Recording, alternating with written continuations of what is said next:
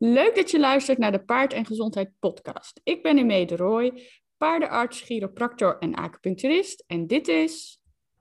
Ik ben Iris van Gulek en ik ben ook paardendierarts. En Mee en ik hebben samen gestudeerd.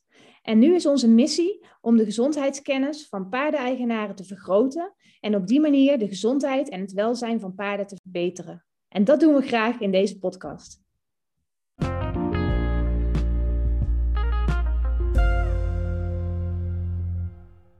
Dit keer weer een solo-opname van mij, van Himee dus.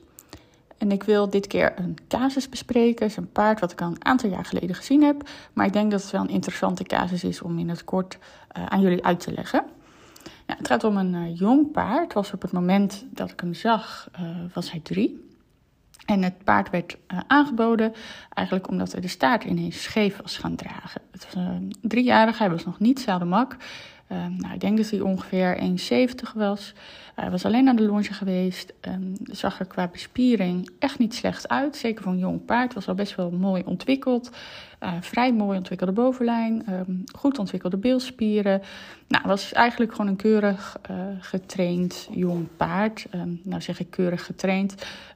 er was echt nog niet heel veel mee gedaan hoor. Hij had een paar keer aan de longe gelopen. En er was, ja, was gewoon netjes nou ja, gewerkt aan wat balans en kracht. En er was wat uh, balkjes meegestapt. Gewoon om te werken aan zijn coördinatie en zijn lichaamsbewustzijn. Dus uh, gewoon, nou ja, was gewoon spelenderwijs eigenlijk wat uh, meegedaan.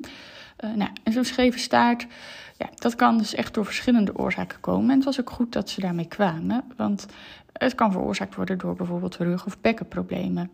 En dan zorgt verhoogde spierspanning aan één kant bijvoorbeeld voor een scheve staart, zodat de staart dan als het ware door de spierspanning wat scheef wordt getrokken. De staart kan ook scheef worden gehouden ter compensatie.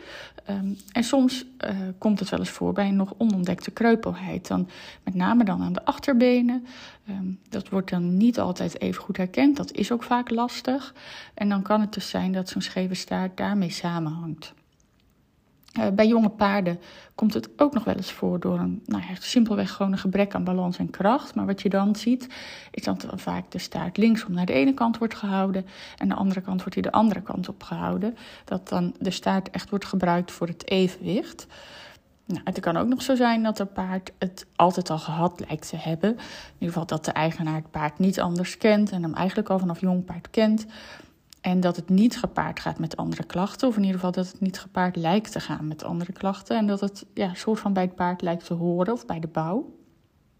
En wat je ook nog wel eens hoort, is dat ze bijvoorbeeld in het verleden een keer onderuit zijn gegaan. Of in de trailer een naar ongeluk hebben gehad. En dat er dan dus door dat trauma een scheefheid is ontstaan uh, van de staart. En dan hoeft het op dat moment uh, helemaal geen klachten meer te veroorzaken. Maar dan is het wel belangrijk om natuurlijk in de gaten te houden of er niet elders in het lichaam compensaties optreden. Of dat door die scheve staart er bepaalde bewegingsbeperkingen ontstaan. Maar goed, bij dit paard, ik weet het niet meer precies, maar was het sinds een nou, paar weekjes opgevallen uh, dat de staart dus wat scheef werd gehouden. En nou, dat was voor de eigenaar een reden om aan de bel te trekken. Nou, wat doen we dan als we zo'n paard aangeboden krijgen? Dan gaan we kijken, um, gewoon in beweging, uh, hoe beweegt dat paard? Dus we gaan kijken in stap, uh, draf en galop. En stap en draf uh, doen we dan op de harde bodem. Dus dan vaak laat ik de paarden eerst ook even een achtje stappen een paar keer om te kijken hoe is de beenzetting op een kleinere volte. En hoe is dan uh, ja, de beweging van dat paard? Uh, ik kijk op de rechte lijn en uh, draf kijken we ook op de rechte lijn. dan kijk ik ook nog op de harde volte naar stap en draf. En dan op de zachte volte beoordelen we de stap, draf en de galop beide kanten op. Nou, dan vindt er uiteraard ook nog onderzoek op stand plaats. En dat wil zeggen dat we dan de bespiering en de beweging van de wervelkolom beoordelen als het paard stilstaat. En dan let je op onder andere pijnlijkheid en de mate van spierspanning. Nou, bij dit paard uh, liep keurig rad. Uh, zowel stap, draf als galop werden goed getoond.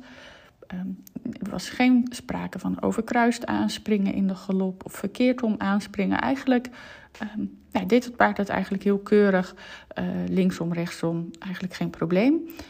Um, hij hield de staart met name in stap wat naar rechts. Dat viel wel op. En in de beweging ehm, was er zeg maar over de benen, uh, deed het paard het eigenlijk heel netjes. Uh, maar als je dan kritisch keek, uh, viel wel op dat er ja, een iets wat matige beweging van die bovenlijn aanwezig was. Dus de rug, met name in de, op de volte, um, zag je dat die beweging eigenlijk wat matig was. Dat de bovenlijn wat te strak werd gehouden, zoals we dat dan noemen. Nou, bij het onderzoek op stand uh, viel eigenlijk wel iets op ter hoogte van de laatste borstwervels. En bij de eerste lendenwervels, daar uh, de palpatie van de wervels zelf was uh, niet pijnlijk. Er was ook geen vocht voelbaar um, in de rugband. Dat kun je nog wel eens voelen al van de buitenkant.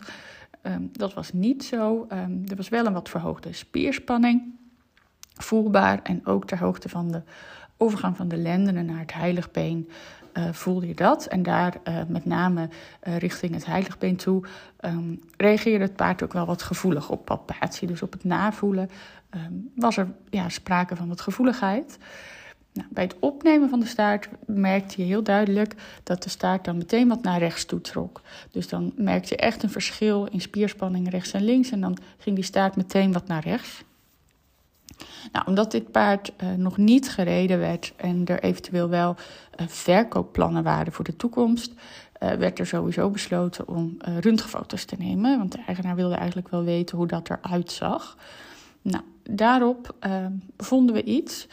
daarop waren kissing spines te zien. Ter hoogte van de laatste drie borstwervels um, raakten de wervels elkaar. Dus eigenlijk op twee plekken raakten de wervels elkaar, de, de spinaaluitsteeksels dus. Dat zijn dus de bovenste uitsteeksels op het wervellichaam. En er was wat botreactie te zien. Nou, dat was uiteraard een tegenvaller. Uh, zeker met het oog op verkoop. Ja, de meeste mensen zitten niet te wachten op een paard met minder mooie rugfoto's. Maar ja, die mensen hadden het paard ook zelf gefokt. En ja, ze wilden er ook gewoon uh, voor gaan. Omdat het eigenlijk verder um, ja, je weet ook nog niet hoe zo'n paard zich gaat ontwikkelen natuurlijk. Nou, op dat moment uh, hadden we sowieso al, ook als de rugfoto's um, niks hadden laten zien, um, hadden we al een behandelplan. Uh, want we gingen mesotherapie uh, doen.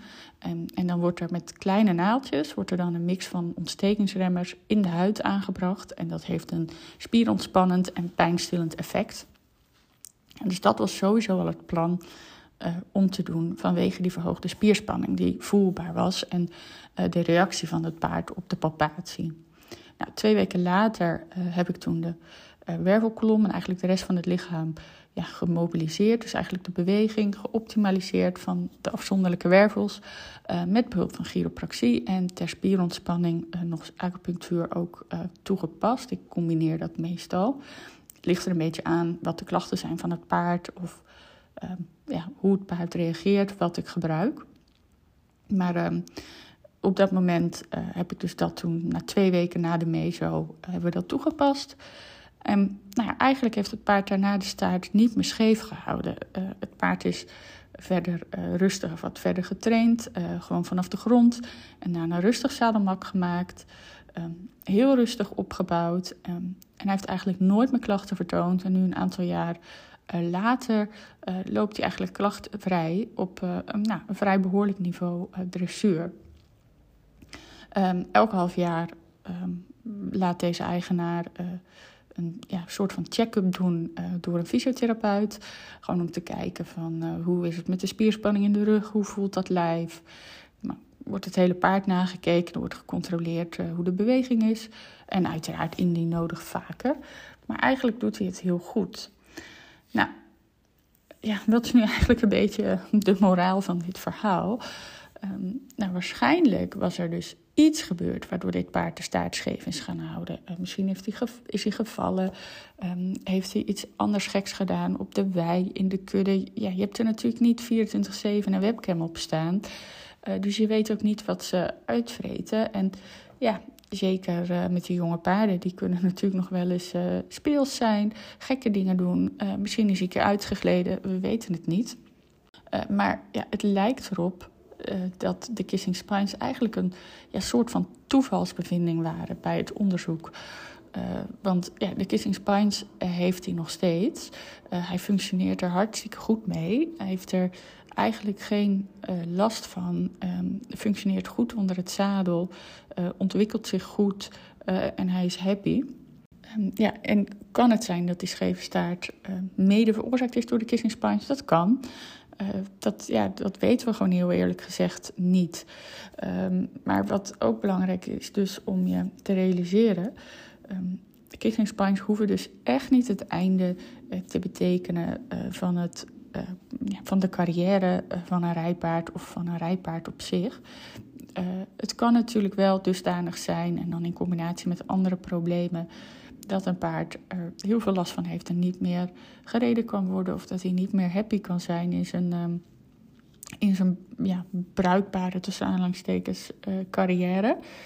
Maar dit is zeker niet voor elk paard zo.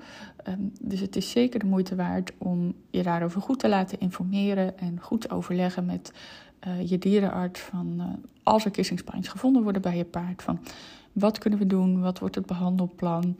Eh, en dat ziet er natuurlijk ook bij elk paard weer wat anders uit. Hè?